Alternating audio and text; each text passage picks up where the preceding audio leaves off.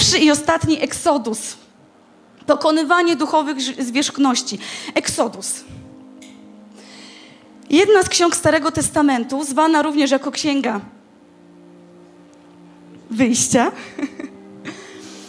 która opisuje taki piękny, niesamowity, wręcz kluczowy moment dla Izraela, czyli wyjście spod panowania faraona, wyjście, ucieczka z Egiptu pod przywództwem Mojżesza. I Izraelici, którzy znajdowali się w Egipcie, oni znajdowali się w niewoli, o tym wiemy, raczej wszyscy. I to była niewola fizyczna, ale to była również niewola duchowa, i będziemy też o tym dzisiaj mówić. Przykłady tej fizycznej opresji są bardzo wyraźnie ukazane w Księdze Wyjścia 1:11. Przeczytam ten fragment. Księga Wyjścia 1:11. Tu się pojawił, a, jeden fragment, będą trzy też. Postawiono zatem nad Izraelitami przełożonych odpowiedzialnych za przymusowe roboty. Nakładali oni na lud ciężkie zobowiązania i to wszystko było nakładane na plecy, na ręce i na ducha Izraelitów przez tak wiele lat, przez tak wiele pokoleń że czytamy w Księdze Wyjścia w drugim rozdziale, w 23 wersecie, że po wielu latach umarł król Egiptu, a synowie Izraela nadal wzdychali i wołali o pomoc z powodu ciężkiej pracy. Więc mamy tutaj lud Boży, Izraelitów, którzy znajdują się w bardzo trudnym położeniu. Są w niewoli nie tylko fizycznej, ale także duchowej w ekstremalnym poczuciu utrapienia i bezsilności. W szóstym rozdziale, w dziewiątym wersecie Księgi Wyjścia czytamy: Tak też przemówił Mojżesz do synów Izraela, lecz oni, słuchajcie, nie słuchali. Nie słuchali Mojżesza z powodu zniechęcenia oraz ciężkiej pracy. Niektóre tłumaczenia mówią z powodu zniecierpliwienia ducha, więc widzimy, że Izraelici byli tak przygnębieni, oni byli tak zniechęceni, że oni nawet nie przyjmowali dobrej nowiny o wyzwoleniu, które miał przynieść im Mojżesz. Wiecie, kiedy znajdujemy się w czasach takiej, w takiej, takiej mocnej opresji, kiedy jest nam naprawdę ciężko, jest to taki stan, że nawet słowa, które padają z tego miejsca, nie podnoszą cię. Słowa, które mówi pastor, mogłabym tylko wody tutaj. Słowa, które wypowiadają liderzy, pastor, zespół, nie podnoszą cię, nie dają ci ulgi. To też jest niewola duchowa. To też jest pew, jakiś pewien rodzaj duchowej niewoli. Dlaczego? Ponieważ tracimy nadzieję na to, że coś może się zmienić. Tracimy nadzieję nawet w, i dlatego Izraelici nawet nie przyjmowali już słów Mojżesza, że coś może się zmienić w waszym życiu, może przyjść wolność. I myślę, że jakbym tak teraz zapytała, czy, czy, czy, ktokolwiek z nas był kiedykolwiek w takim miejscu, kiedy wydawało się, że właśnie jesteśmy w takim Egipcie i nie ma wyjścia, to pewnie każdy z nas podniósłby rękę. Hmm. Nawet więc spokojnie, nie będę tutaj pytać. Każdy z nas podniósłby rękę, znajdował się lub znajduje się. Więc po, pozwólcie, że przytoczę kilka rodzajów takiej, takiej niewoli, na którą jesteśmy wszyscy jako ludzie narażeni. Niewola strachu. Strach, kiedy. Strach jest naturalną reakcją organizmu. To jest naturalny stan człowieka ostrzegający nas przed wieloma rzeczami, ale kiedy zaczyna dominować w naszym życiu, on się staje naszym Egiptem. Strach przed porażką, strach przed oceną, strach przed wejściem w nowe rzeczy, strach przed ludźmi. Kiedy zaczyna dominować w naszym życiu, staje się naszym Egiptem. Niewola zależności. Możemy być zależni od różnych substancji, od osób, od rzeczy, które nas po prostu bardzo mocno ograniczają. Niewola niezdrowych związków, które są pełne manipulacji, przemo przemocy lub jakiejś takiej toksycznej dynamiki. Niewola negatywnego myślenia niska samoocena i przekonanie, że nie zasługujemy na to, co dobre od Boga. I wiecie, w kontekście duchowości i życia kościelnego również napotykamy na nasze Egipty. One przybierają różne formy. One czasami po prostu, po prostu potrafią być troszeczkę subtelne, ze względu na to, że, że są bardziej związane z życiem Kościoła. Niewola legalizmu. Hmm. Jest to niewola, która wynika z bezkrytycznego przyjmowania pewnych nakazów kosztem relacji z Bogiem i z innymi ludźmi.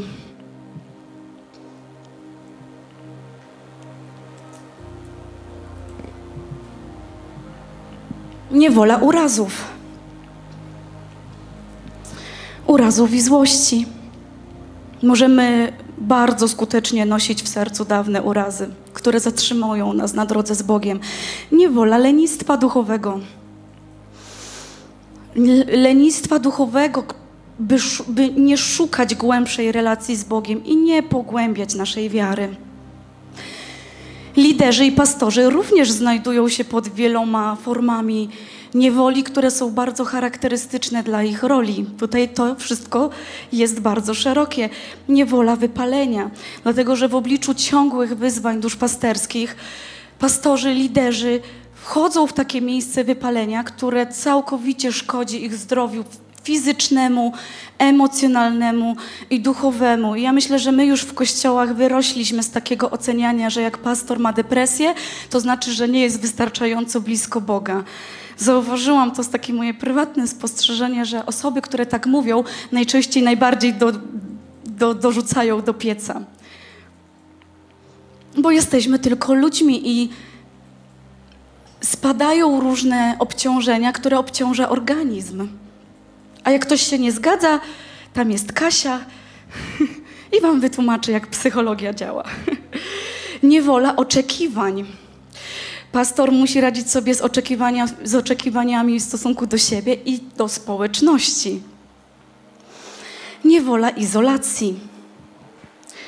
Mogą czuć się samotni w swojej roli, nie mając z kim podzielić się swoimi obawami. I niewola bólu i zranienia, dlatego że krytyka, zwłaszcza ta niesprawiedliwa i okrutna na Kościół, na pastora czy na starszych, może naprawdę złamać serce. I dlaczego przeszłam przez te wszystkie trzy punkty? Dlatego, że to nie jest absolutnie tak, że, że my stoimy tutaj i mówimy, a Kościele, jak zmagasz się z różnymi rzeczami, my się wszyscy zmagamy. Jesteśmy w tym jedno, jesteśmy naprawdę w tym jedno. Każdy z nas na różnym etapie swojego życia z Bogiem po prostu zmaga się z tym. I każdy z nas potrzebuje eksodusu, każdy. Eksodus, czyli z języka greckiego oznacza wyjście. Jest to ikoniczne wydarzenie w Izraelu, które symbolizuje wyjście, ucieczkę od niewoli do wolności. Eksodus jest jednym z najbardziej doniosłych wydarzeń w całej Biblii. No dobra, powiedzieliśmy sobie te wszystkie rzeczy, więc przejdźmy do kazania. Bo nie wiem, czy kiedykolwiek się nad tym zastanawialiście, że jest to historia wyzwolenia. Słuchajcie uważnie. Która zaczyna się nie na ziemi, ani trochę. Jest to historia wyzwolenia, która rozpoczyna się nie na ziemi, ale w niebiosach. I to wydarzenie rzuca światło na bardzo głębokie powiązanie między rzeczywistością fizyczną i rzeczywistością duchową.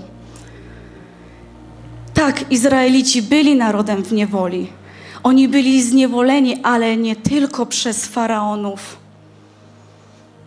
ale także przez bóstwa Egiptu które miały nad nimi duchową władzę. Ta duchowa niewola była równie rzeczywista jak te kajdany, które w fizyczny sposób wiązały ich ciała. W Efezjan apostoł Paweł pisze takie słowa, gdyż bój toczymy nie z krwią i z ciałem, lecz z nadziemskimi władzami, ze zwierzchnościami, z władcami tego świata ciemności, ze złymi duchami w okręgach niebieskich i Bóg Jahwe. Bóg Jahwe, Bóg Abrahama, Izaaka i Jakuba obiecał, że wyzwoli swój lud, ale ta obietnica zaczęła się wypełniać najpierw na najwyższych płaszczyznach duchowej rzeczywistości. Księga Wyjścia, przeczytajmy sobie ten fragment. Księga Wyjścia, rozdział 12, werset 12. Tej nocy bowiem przejdę przez ziemię egipską i uderzę wszystko, co jest pierworodne, od człowieka po bydło. Dokonam też sądu nad wszystkimi bóstwami Egiptu. Ja, Pan. Coś niesamowitego teraz się tutaj dzieje. Najpierw musiał nadejść sąd Boży. Bóg nie tylko osądził faraona i jego lud, ale, ale także wszelkie bóstwa Egiptu, czyli kogo? Te wszystkie byty duchowe, zwierzchności diabelskie, książęta, jak ich czasami Biblia określa, te wszystkie byty duchowe, które na swój sposób rządziły narodem i przyczyniały się do ucisku Izraela. I Bóg pokazał, że Jego władza jest wyższa, jest wyższa niż jakiekolwiek bóstwo Egiptu. Zniszczył je, osądził te zwierzchności. I co wydarzyło się dalej? I dopiero wtedy otworzyła się droga do wyjścia. Hmm. Bóg wyzwolił swój lud, ale najpierw osądził zwierzchności. Tak więc, zanim pierwsze stopy Izraelitów zrobiły krok na suchym dnie morza, które przedzieliło się na pół, zanim pierwsze wozy zaczęły ruszać w kierunku ziemi obiecanej, zanim wyjście Izraelitów odbyło się gdzie? W sferze duchowej. Miało miejsce najpierw w niebiosach. Asia śpiewała tutaj słowa w jego ustach ostry miecz. Wiecie, wiecie, co jest napisane w księdze Izajasza? W 34 rozdziale, w 4 i 5 wersecie. Pójdą w rozsypkę, nie, w rozsypkę zastępy niebios.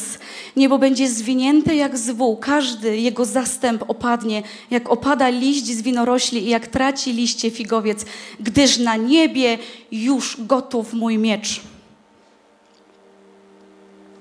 Żaden eksodus nie jest możliwy bez zmiany w sferze duchowej. Jak wspomina Księga Wyjścia, Księga Izajasza i wiele, wiele innych ksiąg w Biblii, Bóg najpierw musiał osądzić nadziemskie zwierzchności, by uwolnić człowieka i dlatego to wydarzenie, ten eksodus, ono rzuca bardzo głębokie światło na relacje świata widzialnego i niewidzialnego. Więc jeśli jesteś w niewoli, o której mówiłam na początku, jeżeli zmagasz się z różnymi warowniami w swoim życiu, jeżeli my jako Kościół zmagamy się z różnymi warowniami w naszym życiu, to słuchaj uważnie. Ponieważ może jesteś osobą nowonarodzoną wiele lat, a może dzisiaj pierwszy raz słyszysz o Chrystusie. Nie ma znaczenia. Dzisiaj usłyszysz, że potrzebujesz Jezusa Chrystusa o wiele bardziej niż sądzisz. A więc przejdźmy do początku, do początku świata nowożytnego. Nakręćmy sobie ten zegar, idźmy do początków świata nowożytnego. Jezus Chrystus, On przyszedł w bardzo ciekawym czasie. Jezus Chrystus przyszedł w bardzo ciekawej epoce, w takim kontekście historycznym. Biblia mówi o tym, że Jezus przyszedł, kiedy dookoła Niego były czasy pogańskie. Zaraz sobie też to wyjaśnimy. I w jednym z najbardziej kluczowych fragmentów Ewangelii Jezus mówi: Nie sądźcie, że przyszedłem unieważnić prawo albo proroków.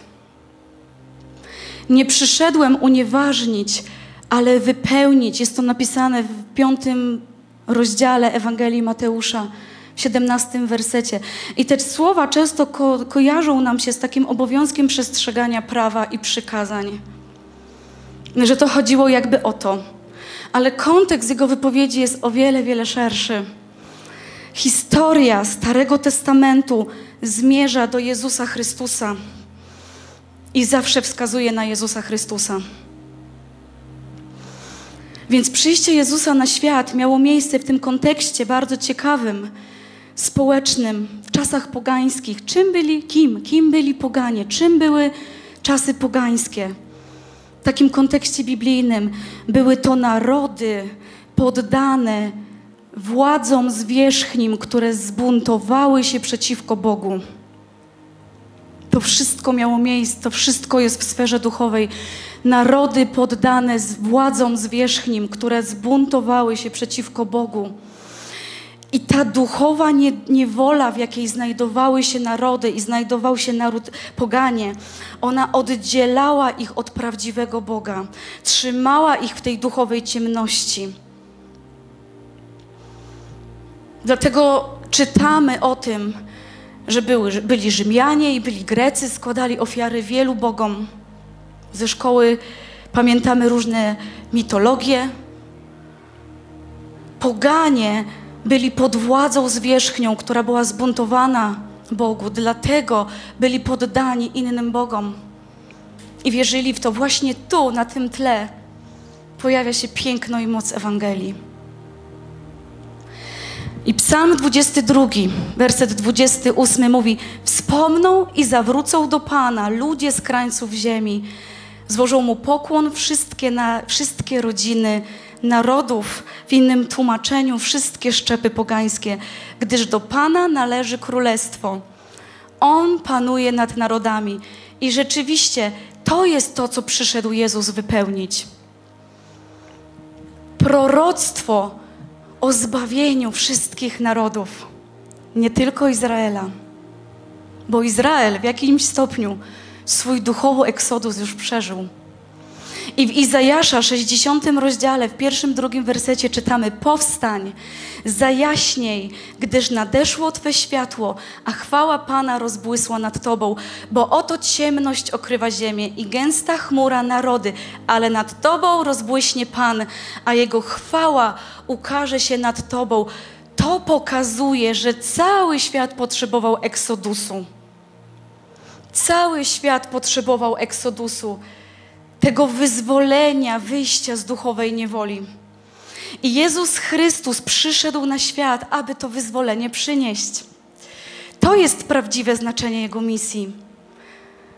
Przyprowadzić do tego eksodusu nie tylko Izrael, ale cały świat. No i, no i mamy teraz piękny plot twist w Ewangelii. Jak tak sobie poczytacie to wszystko, to zobaczycie, że to, to się nadaje na serial Netflixa. Mamy plot twist, słuchajcie, kochani. Plot twist, prawdziwy plot twist. Bo Jezus po tym wszystkim, jak On w jakiś sposób pokazuje swoim ży życiem, jaka jest Jego misja, nagle mówi słowa, które jakby trochę zaczynają przeczyć z tym, co, o czym teraz mówimy. Tak powiem na pierwszy rzut oka.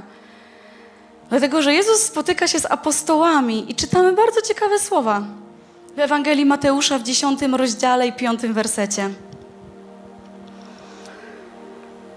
Tych dwunastu posłał Jezus z takimi poleceniami. Nie udawajcie się w drogę do pogan i nie wchodźcie do miasta Samarytan. No i czytam sobie te słowa i myślę sobie, ale dlaczego? Ale dlaczego Jezus powiedział takie słowa? No przecież to chyba o to chodziło. Dlaczego Jezus zabrania, zabrania uczniom pójścia do pogan, do miasta Samarytan? No przecież obiecał zbawić wszystkie narody. I aby zrozumieć właśnie te słowa, Bóg zaczął pokazywać mi cały ten duchowy kontekst, bo żeby zrozumieć te słowa, my musimy zrozumieć właśnie ten duchowy kontekst. Jezus pokazuje, że pójście do tych narodów nie miałoby w ogóle sensu. W tym kontekście Jezus wiedział, że posyłanie uczniów do tych narodów nic by nie dało. Nic by nie dało i byłoby po nic.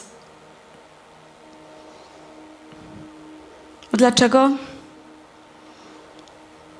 Dopóki nie nastąpi coś kluczowego, coś, co już wcześniej miało miejsce. Coś, co już wcześniej Izraelici doświadczyli, coś, co już zostało na tej ziemi wykonane. Osądzenie i pokonanie sił duchowych rządzących tymi narodami, zwłaszcza szatana. W Mateusza w, wers- w rozdziale 12, w wersecie 29 Jezus wypowiada absolutnie kluczowe słowa. Jak można wejść do domu mocarza, do domu uzbrojonego człowieka i zgarnąć jego rzeczy, jeśli się go najpierw nie zwiąże? Dopiero potem można ograbić jego dom. I uczniowie nie rozumieli tych porównań, i ja się nie dziwię, bo ten werset jest naprawdę bardzo ciekawy, ale nieraz zastanawiamy się, jak czytamy takie słowa. Boże, czy ty nas namawiasz do jakiejś kradzieży? No nie, no chyba nie. Nie kradnij jest przykazanie. Jezus wypowiada absolutnie kluczowe słowa. Jak można wejść do domu uzbrojonego człowieka, mocarza i zgarnąć jego rzeczy, jeśli się go najpierw nie zwiąże, dopiero potem można ograbić jego dom. Jezus używa tego porównania, aby pokazać, że aby pokonać moc złego w, w życiu Izraelitów, w życiu narodów, i w życiu Twoim i moim najpierw należy pokona, pokonać kogo? Przywódcę. W tym przypadku mocarzem jest szatan, a dom to jest świat, nad którym sprawuje władzę.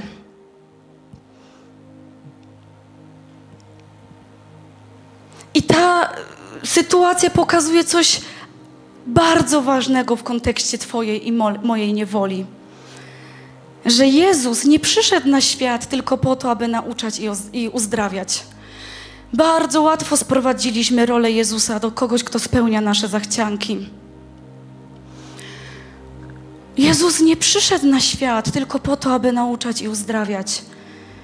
Ale Jezus przyszedł na świat, aby przeprowadzić duchowy sąd nad szatanem i jego zwierzchnościami.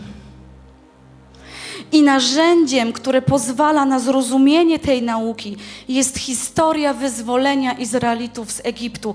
Tak jak Izraelici nie mogli zostać uwolnieni z niewoli egipskiej, dopóki Bóg nie osądził bogów, bóstwa Egiptu, duchowych sił, które nad nimi rządziły. Tak samo w czasach Jezusa narody nie mogły zostać prawdziwie wyzwolone przez uczniów to już w ogóle. Dopóki zwierzchności, złe duchy, książęta, jak ich Bóg, jak ich Biblia określa, nie zostały osądzone, nie zostały obalone. Wygan, wyganianie demonów, Jego nauki, Jego cuda, wszystko to, co my czytamy w Ewangeliach, czym my się zachwycamy, to one nie są tylko dowodem boskiej natury Jezusa, ale zapowiedzią ogromną zapowiedzią Jego zwycięstwa nad szatanem, zwycięstwa nad duchowymi zwierzchnościami. To pokonanie musiało nastąpić przez Jezusa, nie przez Jego uczniów. Bo komu została dana wszelka władza na niebie i na ziemi? Możemy to opowiedzieć? Komu? Jezusowi. To pokonanie musiało nastąpić przez Jezusa, nie przez uczniów. My czasami tak chojraczymy i mówimy, ja tam pójdę, tu zrobię, pozamiatam. No to powodzenia. Bardzo często jesteśmy, bardzo często zgrywamy bardzo odważnych ludzi, zapominając, że wszelka władza na ziemi i na niebie nie należy człowieku do ciebie, tylko do Jezusa. I w momencie, kiedy zapominamy o tym, to wchodzimy pod, pod panowanie nie Ducha Świętego. Bo cały Stary Testament zmierzał i pokazywał nie na mężów Bożych, nie na Ciebie i na mnie, na Jezusa. I nie na to, nie na to, Włączacie mnie. Nie na to, że spełnia jakieś zachcianki, bo my chcemy tego i tamtego, ale na to, że Jezus przyszedł przynieść sąd nad szatanem. I śmierć Jezusa na krzyżu to jest kluczowy moment, który zmienił całkowicie bieg historii, zarówno dla Izraela, jak i dla wszystkich narodów. Przeczytajmy Ewangelię Jana, 12 rozdział, 31 werset, 32. I jak za starych, dobrych czasów, przeczytajmy go razem. Raz, dwa, trzy. Jezus mówi: Teraz odbywa się sąd nad tym światem. Teraz władza tego świata, teraz władca tego świata zostanie wyrzucony, a gdy ja będę podniesiony z ziemi, wszystkich pociągnę do siebie i za to należy się mu chwała i cześć. I apostoł Paweł, który miał objawienie tego, kim był Chrystus, w pierwszej kolejności pisze o jego cudach? Nie w pierwszej kolejności pisze o tym, że fajnie sobie tam z nimi, z apostołami chodził? Nie. Apostoł Paweł pisze w liście do Kolosan w drugim rozdziale, w piętnastym wersecie, na krzyżu rozbroił zwierzchności oraz władzę, publicznie je obnażył i powlókł w triumfalnym pochodzie. Tak, to jest amen. To jest wielkie amen. Jezus poprzez swoją śmierć na krzyżu osądził i pokonał mocarza, coś czego nie rozumieli jeszcze wtedy uczniowie, ale my dzisiaj musimy to zrozumieć kiedy Syn Boży stawał twarzą w twarz ze śmiercią, dokonał sądu nad zwierzchnościami diabelskimi. Nie tylko bogowie Egiptu, ale bogowie wszystkich narodów i władcy tego świata zostali osądzeni, utracili swoją pozycję i moc, jak za pierwszym razem podczas Eksodusu. I dopiero po zmartwychwstaniu Jezus mówi w Mateusza w 28 wersecie, w 18 wersecie, przepraszam, dzisiaj mi te wersety, rozdziały. Mateusza, 28 rozdział, 18-20 werset. Otrzymałem wszelką władzę w niebie i na ziemi. Idźcie więc i pozyskujcie uczniów pośród narodów. Teraz mogą iść. Do wszystkich narodów z dobrą nowiną o Królestwie Bożym. Teraz ich misja ma sens. Żaden eksodus nie jest możliwy bez zmiany w sferze duchowej. I teraz y, może Natalka pomału przegrywać, jeszcze nie, nie śpiewamy, jeszcze nie gramy. Jakiś czas temu Bóg pokazał mi słowa do tego kościoła. I one były bardzo enigmatyczne i one były bardzo takie niezrozumiałe dla mnie. Bo Bóg powiedział, żeby przygotować mu tutaj miejsce aby przygotować tutaj Jezusowi miejsce, aby On mógł zasiąść na tronie w tym kościele. Przygotować Jezusowi miejsce, w którym On będzie mógł zasiąść na tronie. I ja się borykałam z tymi myślami. Bo zadawałam pytanie, Pięć, dziesięć? Dziesięć. Zadawałam Bogu pytanie, Boże, ale przecież Ty nie mieszkasz w budynkach zbudowanych ludzką ręką. Ty mieszkasz w sercu człowieka. No nie mogę, nie mogę mówić Kościołowi sprzecznych z Twoją nauką słów, a jeszcze więcej, no nie za bardzo, muszę zacząć myśleć, czy ja Ciebie słyszę bo to jest w moim sercu trochę sprzeczne. Ty mieszkasz w sercach każdego człowieka. I Ciebie, Kościół, ani żadne mury nie ograniczają. I właśnie wtedy Bóg zaczął wracać do mnie z przesłaniem Eksodusu i zaczął mi ujawniać naturę Jezusa.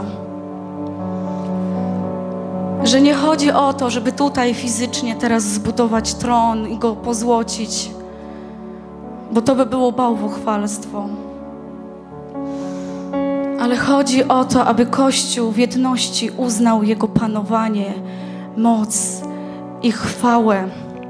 I żebyśmy pokutowali z przeświadczenia, że Jezus to jest tylko, wiecie, my się tak uwzięliśmy w kościele na tego, że Jezus jest pośrednikiem i On tam pośredniczy i tam spełnia. Jezus mówi, ja to robię z miłości.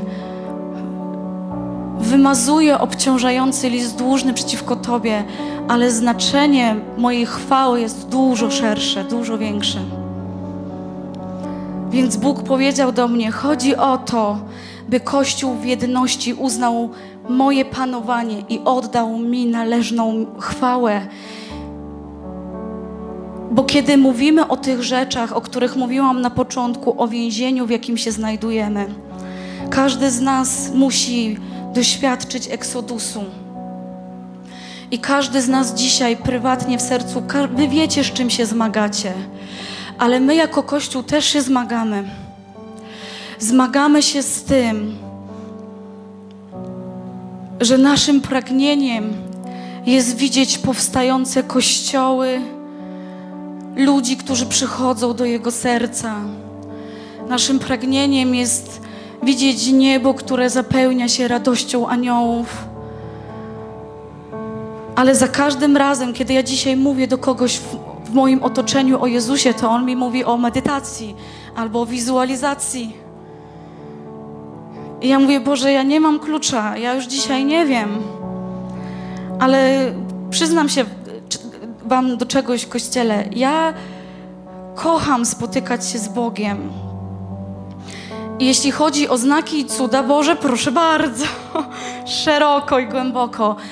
Ale powiedziałam Bogu, ja nie chcę, żeby ludzie przychodzili do kościoła, bo dostaną uzdrowienie, bo dostaną bo chcą i dostaną, bo wiele razy przychodzili do nas ludzie, którzy opowiadali niesamowite rzeczy, z jakich zostali uzdrowieni. Wzięli i poszli. I dostali to, co chcieli. Ja mówię, Boże, ja chcę, aby ich przyciągał Jezus. Jezus. Więc Jezus spotyka się ze mną w tym tygodniu i mówi najważniejszą z możliwych prawd. To nie my to mamy robić. Łamać zwierzchności, wyganiać tutaj demony. Mam nadzieję, że rozumiecie o co mi chodzi. Chodzi mi tylko tutaj o takie pokazówy. To nie my mamy osądzać bogów i zwierzchności, które są nad tym miastem, nad tym krajem. To nie my to mamy robić nad naszymi rodzinami, nad naszymi potrzebami. To nie my mamy odprawiać rytuały i prześwięte modlitwy. Bo Bóg zadał mi pytanie, do kogo należy wszelka władza na ziemi i na niebie? I kto już kiedyś osądził zwierzchności w moim i Twoim życiu? Jezus. To Jego musimy tu zaprosić, Kościele. To Jego musimy tutaj zaprosić. Bo kiedy On przychodzi do swojego ludu, to On związuje te duchowe siły i to On uwalnia więźniów, więźniów na wolność. Więc to, co musimy dzisiaj zrobić, to poproszę Was, Kościele, abyśmy uklęknęli.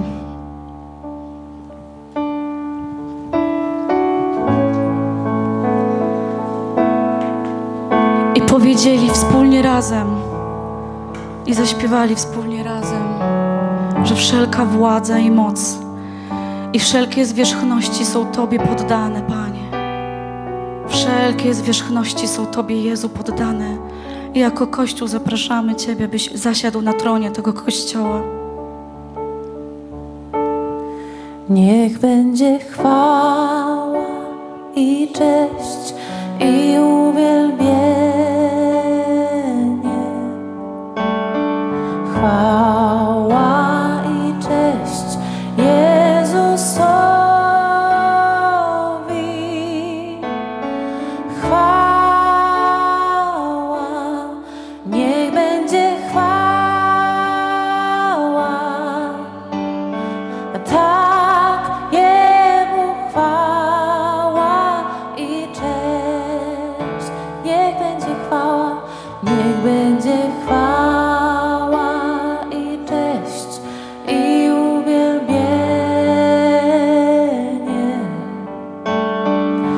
Chwała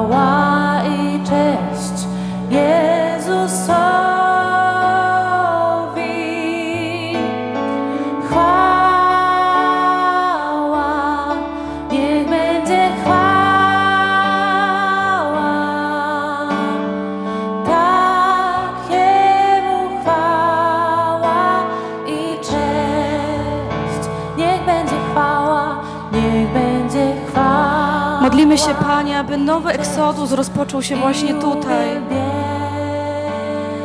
Niech rozpocznie się nowy eksodus dla nas tutaj. Chcemy, aby to miejsce stało się punktem zapalnym dla Ewangelii w tym mieście.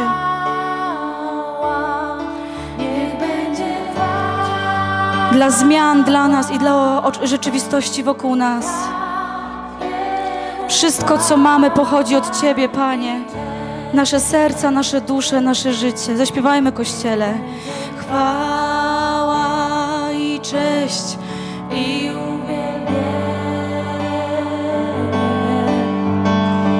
Chwała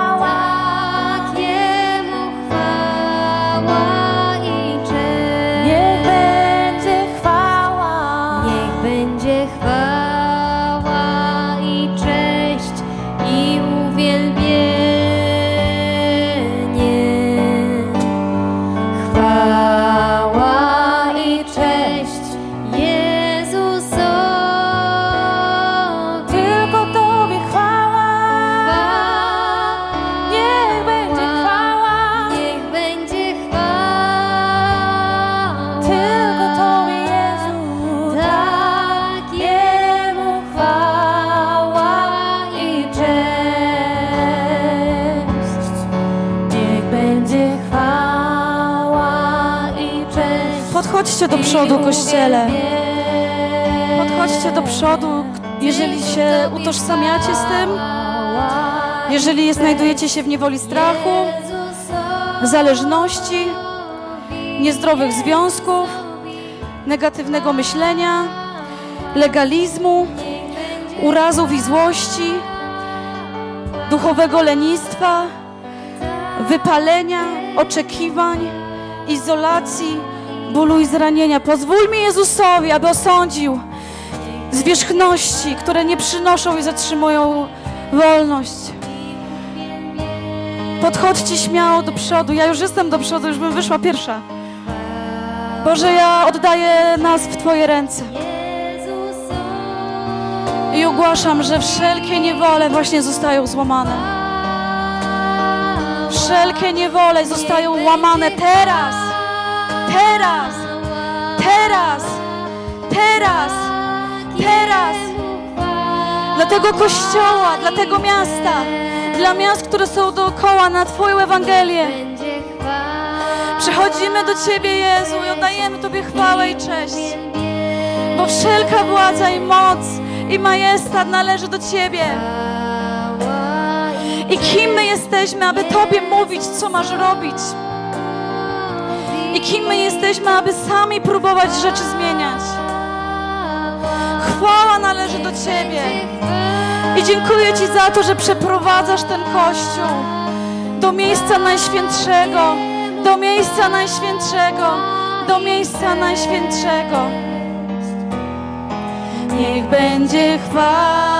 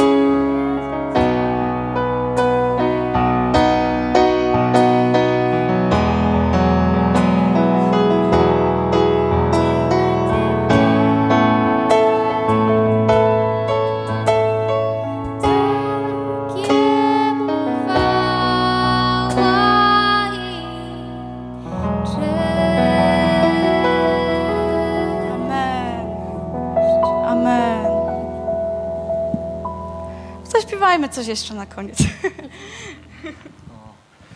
E, Nie siadajmy jeszcze, mamy trzy karty. Jeszcze chwila. Wstajmy, uwielbiajmy dalej Boga. Jeszcze przez chwilę. E, To może pierw podziękowanie. Arek, dziękuję. Arek, dziękuję Bogu za to, że jest. Amen. Jest jedyną drogą, prawdą i życiem. Ewa prosi o uzdrowienie mamy, która od kilku dni boryka się z infekcją przewodu pokarmowego. Więc będziemy modlić się, Panie Jezu, modlimy się z Ewą. Modlimy się o jej mamę i prosimy Cię o, to, o Twoje uzdrowienie. Niech ta infekcja ustąpi, niech przyjdzie Twoje uzdrowienie Twoje poślenie dla mamy Ewy. Modlimy się to w imieniu Jezusa. Także modlimy się o, o kościele kościół się remontuje, budynek się remontuje. Wrzesień się zbliża. Chcę, abyśmy się dalej modlili o, o Bartka Magdę i o, o przyszły kościół i o ludzi, którzy tam będą. Będziemy także modlić się o misję przyjaciół Mołdawii, o Wojtka Borysa, szefa, szefa tej misji.